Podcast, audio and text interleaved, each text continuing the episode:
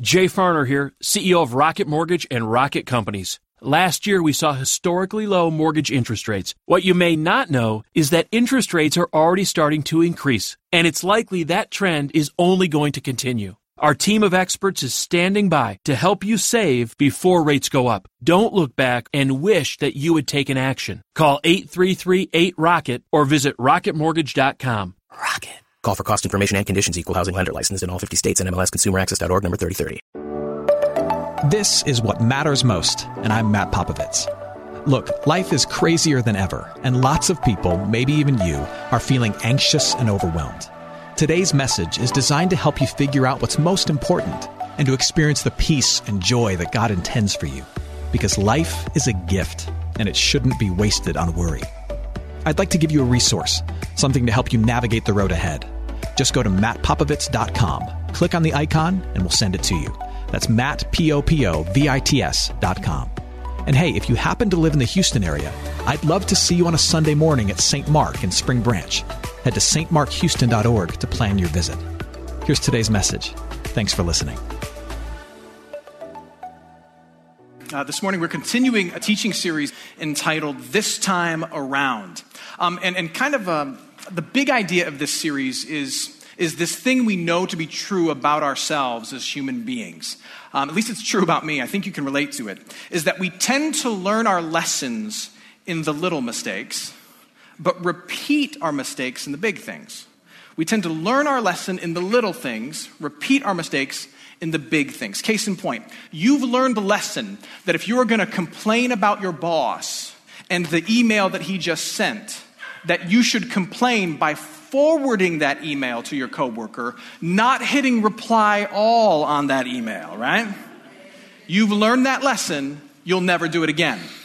Yet, when it comes to relationships or, or, finances or your career itself, those big things, there tend to be, for us as human beings, perpetual problems that we struggle to learn from, mistakes that get repeated. Uh, last week we talked about how part of the beauty of Christianity is that it speaks hope into those big areas of life. Uh, the truth of Christianity speaks hope into the big things of life that tend to be so problem- problematic. Uh, the truth of Jesus addresses the deep things in our hearts that tend to lead us down destructive paths. So that if we want to, the, last, the next time around doesn't have to be like the last time around. But that takes time. Uh, in order for the truth of Jesus to, to kind of saturate our hearts and change us, it means that we have to go through a season of doing some uncomfortable wrestling and, and applying the grace and the truth of Jesus to our lives. And that's a process that we're going to really start today by looking at ourselves with, with real honesty. So here's how I want to begin. Uh, I want you to play a little game of fill in the blank with me, okay? See if you can fill in these blanks. Um, these are popular phrases that we all know. Don't be mad at me. It's not my. It's not my fault. Excellent. Very well done. It's not my fault. Don't be mad at me. It's not my fault. Here's another one. Hey, don't look at me. I didn't. I didn't do it. Very good. Very good. Here's another one.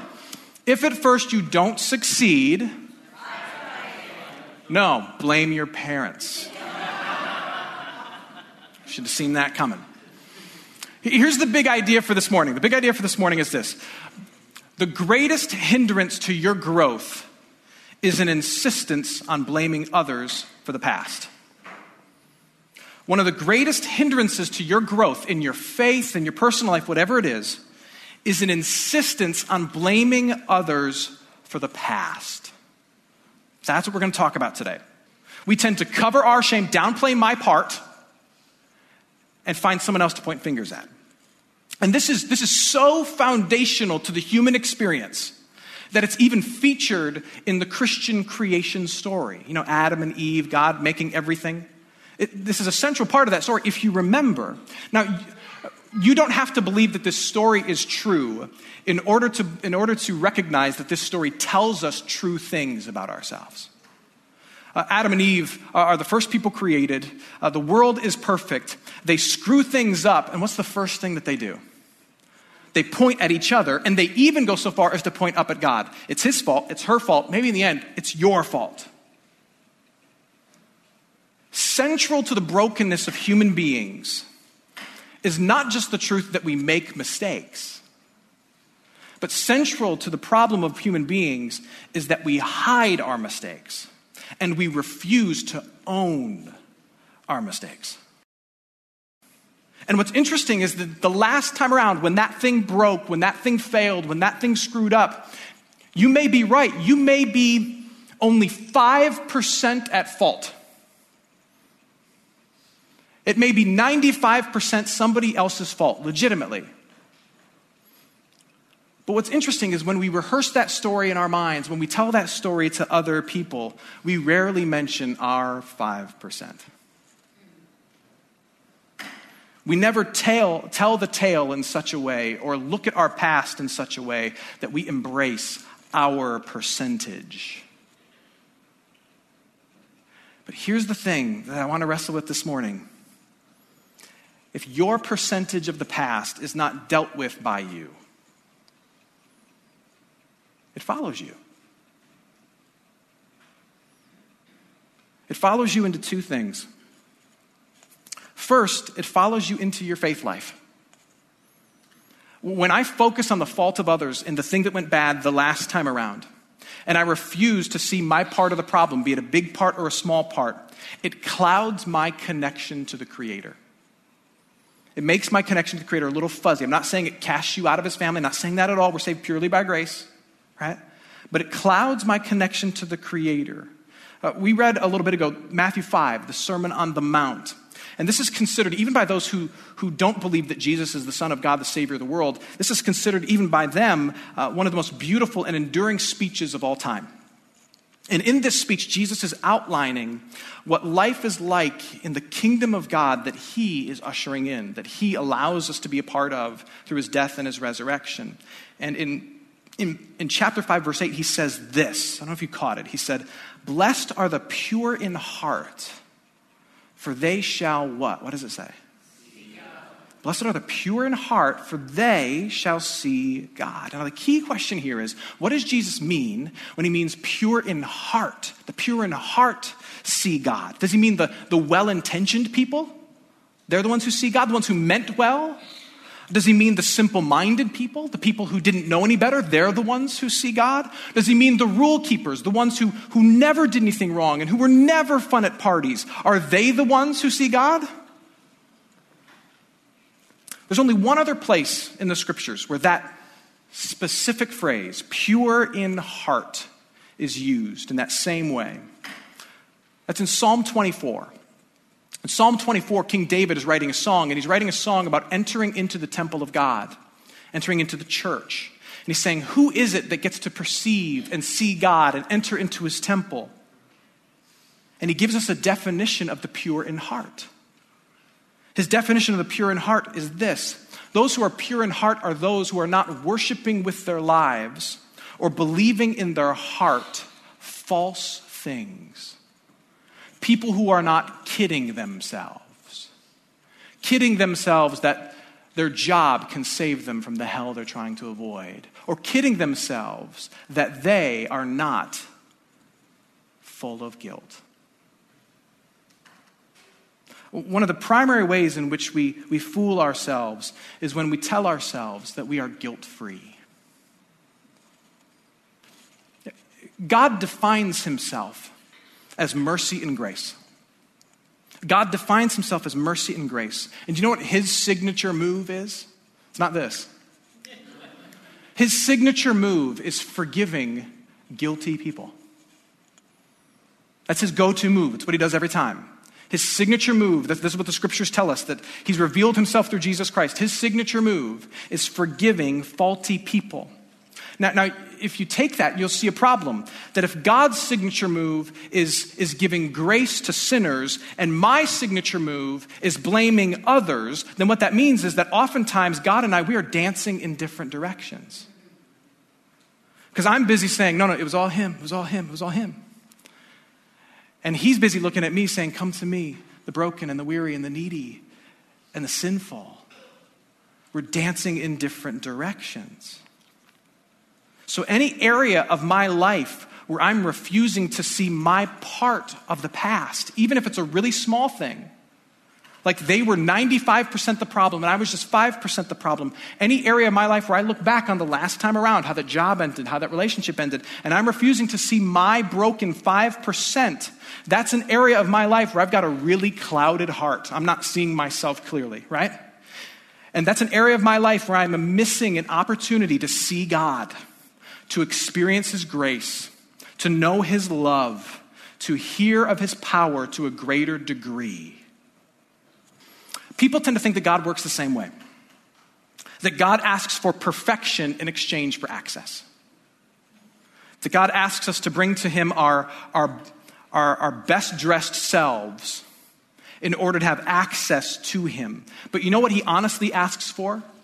He asks for honesty. And so the more broken that you admit to being, the more beautiful you get to see that God is. That's an important point for us this morning. The more, the more broken you're able to admit to being, the more beautiful you get to experience that God is. And that opens up for us a brand new way to see our past. See, see, you tend to see, I tend to see the last time around where I made that big mistake, I tend to see it as something to hide. Uh, you, you might see the role that you played in the end of your marriage, or the role that you played in the end of your job, or the part that you played in that latest fight with your mom. You see that simply as a source of shame. But if God is who He says that He is, then that thing that you're ashamed of is actually the beginning of blessing and experiencing the love of God. Because when I hold on to that thing that I did wrong and I take it to Him instead of hiding it, I get to experience love. He gives me mercy, He gives me grace. And also, I get to see myself honestly. And I get to be changed. Second thing that focusing on the fault of others does uh, focusing on the fault of others not only clouds your connection to the Creator, but it drags your past into the future. Focusing the fault of others drags your past into the future. There's an old saying that I love that I know you've heard. It goes like this. See if you can finish it with me. It says, Wherever you go, there you are. I don't know about you, but I tend to confuse a change of scenery in my life with a change of heart in my life. I tend to confuse a change of scenery with a change of heart. Maybe you're like me and you tend to believe that, that since there's a new job or a new relationship or another family gathering, that things are somehow magically going to go different. But here's the problem the next time around, you may have a new boss, you may have a new boy in your life, but guess what? It's the same you. And whatever doesn't get dealt with by you stays with you and goes with you. Let me give you a phrase that might be worth writing down. If some of this is resonating with you, this is a phrase that might be worth writing down or just texting to someone who needs to hear it. phrase is this We sabotage our hopes for the future when we fail to own our part of the past. We sabotage our hopes for the future when we fail to own our part of the past. I hope you're enjoying today's message. For more of what matters most, you can head to mattpopovits.com. There you'll find other messages. You can support this ministry as well as access your free gift. Oh, and if you're looking for a local church and you live in Houston, come and see what's happening at St. Mark Houston. To plan your visit, head to stmarkhouston.org.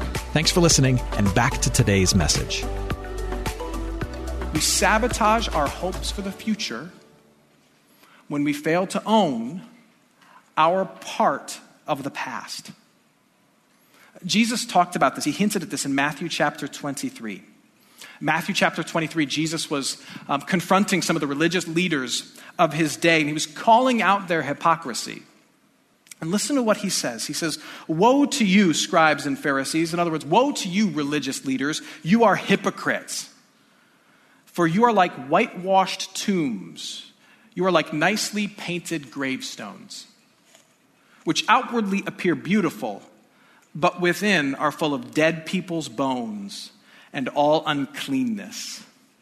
What Jesus was saying to those spiritual leaders was that their spirituality was empty, that it involved simply changing the exterior things, but never dealing with the interior issues. On the outside, they looked all polished and put together, like they knew all the prayers, they had all the answers. Like, man, those people don't struggle. Those people must be really close to God. But on the inside, what Jesus knew about them is that they'd not confessed their junk. They had not admitted any of their evils. They had not arrived at a place where they were resting on the mercy of God and rejecting their own efforts at goodness, which meant that inside, though they looked great on the outside, inside they were still dead. And wherever they went, no matter how good they looked, no matter how their scenery changed or how together their prayers were, wherever they went, they were going to be dead. They were dead inside because they'd not fixed the real thing.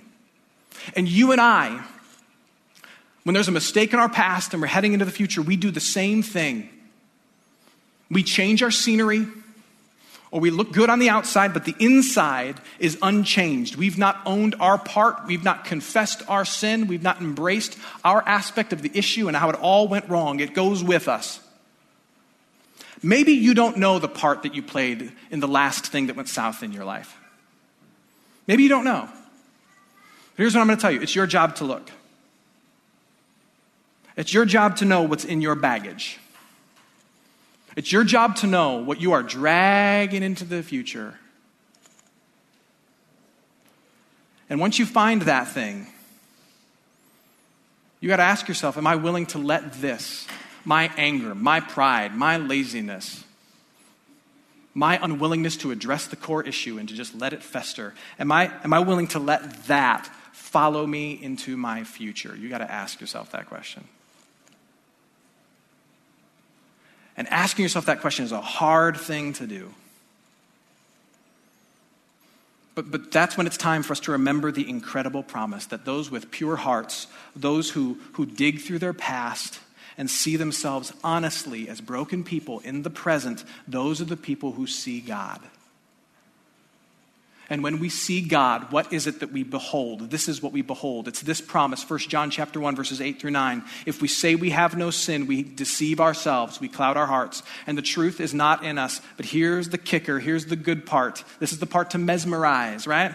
If we confess our sins, he is faithful and just to forgive us our sins and to cleanse us from all unrighteousness those who refuse to deceive themselves about the part that they played in their broken past, but instead bring that thing to God, they will see the total and complete and utter forgiveness of God in their present and in their future. That is God's promise for you. If you're willing to dig through your past and say, all right, my marriage went south and he was abusive, yes, and that, that is all, all on him. All on him. But He's not the only person I've ever enabled in my life. He's not the only person that I've ever given permission to do problematic things. And while his evil is on him, my brokenness is on me. And so, Father, I give that to you. And I'm, gonna, I'm not going to hide that, I'm going to own that. I'm going to give that to you. And he's going to look at you and say, Jesus Christ has lived the life you cannot live. He has died the death that you deserve. And you are completely and utterly and totally forgiven. Now walk peacefully into your future, my daughter. Walk peacefully.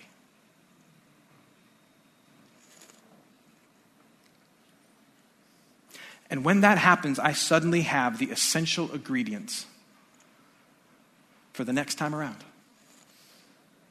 I have a clear view of myself. I am imperfect. I am sinful. I am broken. I tend to do X, Y, Z, and it tends to harm me. And I also have a supreme confidence of his love. I am chosen and beloved and forgiven. Or, in the words of Friday Night Lights, I have clear eyes. I got a full heart. And I can lose. Those of you who watch that show know that phrase. There's a phrase that I love, apart from that one. It goes like this it says, The safest place for a ship is in the harbor, but that's not why ships are built. The safest place for a ship is in the harbor, but that's not why ships are built. It may feel for you that the safest thing is to look at your past of that argument that you had and that long series of arguments you tend to get into is to look at your past and just work your signature move and make it all about somebody else. But that's not what you were built for.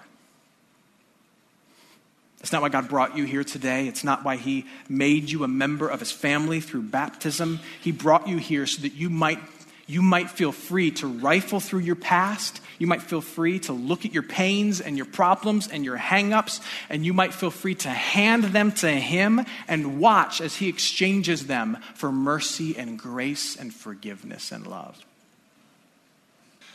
When we own our part of the past, here's what He says to us he says, I forgive you for your ignorance. I still embrace you despite your bad attitude. I love you though you were angry. I'm your father even though you were lazy. I will not leave you though you lust for the acceptance of another.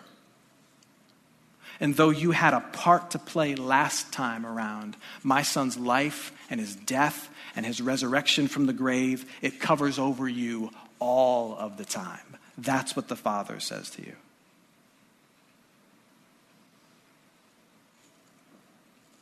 Let's end like this. I'm going to give you three questions to consider this week until we meet again. Here's the three questions. First is this what part of my life do I want to be better the next time around? What part of my life do I want to be better the next time around? Maybe it's a relationship where it just kind of consistently goes south. Or there's a job that ended really badly the last time, or it's going to end badly this time, and you want it to be differently next, different next time. What is it? What part of my life do I want to be better next time around? Then ask yourself this question In what ways might I have contributed to my own misery last time around? In what ways might I have contributed to my own misery the last time around? What's the percentage of my fault in that particular portion of my past? Here's the big question, and this is a hard one to answer. Do I believe that the grace I've received is more significant than the blame others deserve? Do I believe that the grace I've received is more significant than the blame someone else deserves? Some of you are already in the next thing, the next relationship, the next job, the next conversation, and it's already starting to look like the last thing. And, and I'll be honest with you, you need to wrestle with these questions.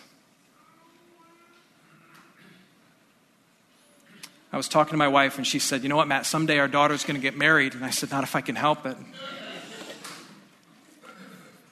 It says, and someday when she's, when she's married, on that day in her 60s, when she finally walks down the aisle,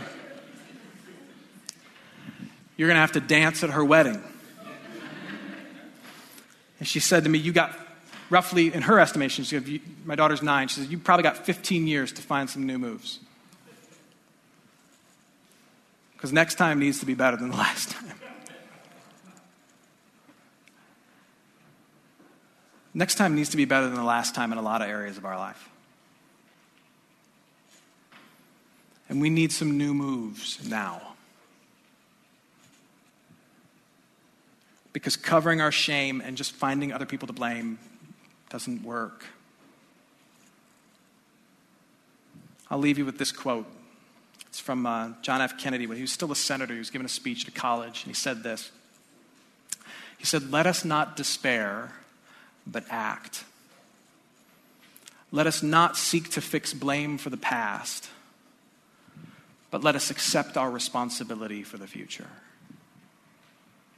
Let us not despair, but act. Let us not affix blame for the past, but let us accept our responsibility for the future.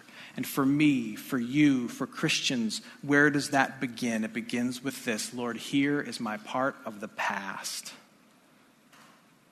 Thank you for the flood of mercy in Jesus Christ today. Amen.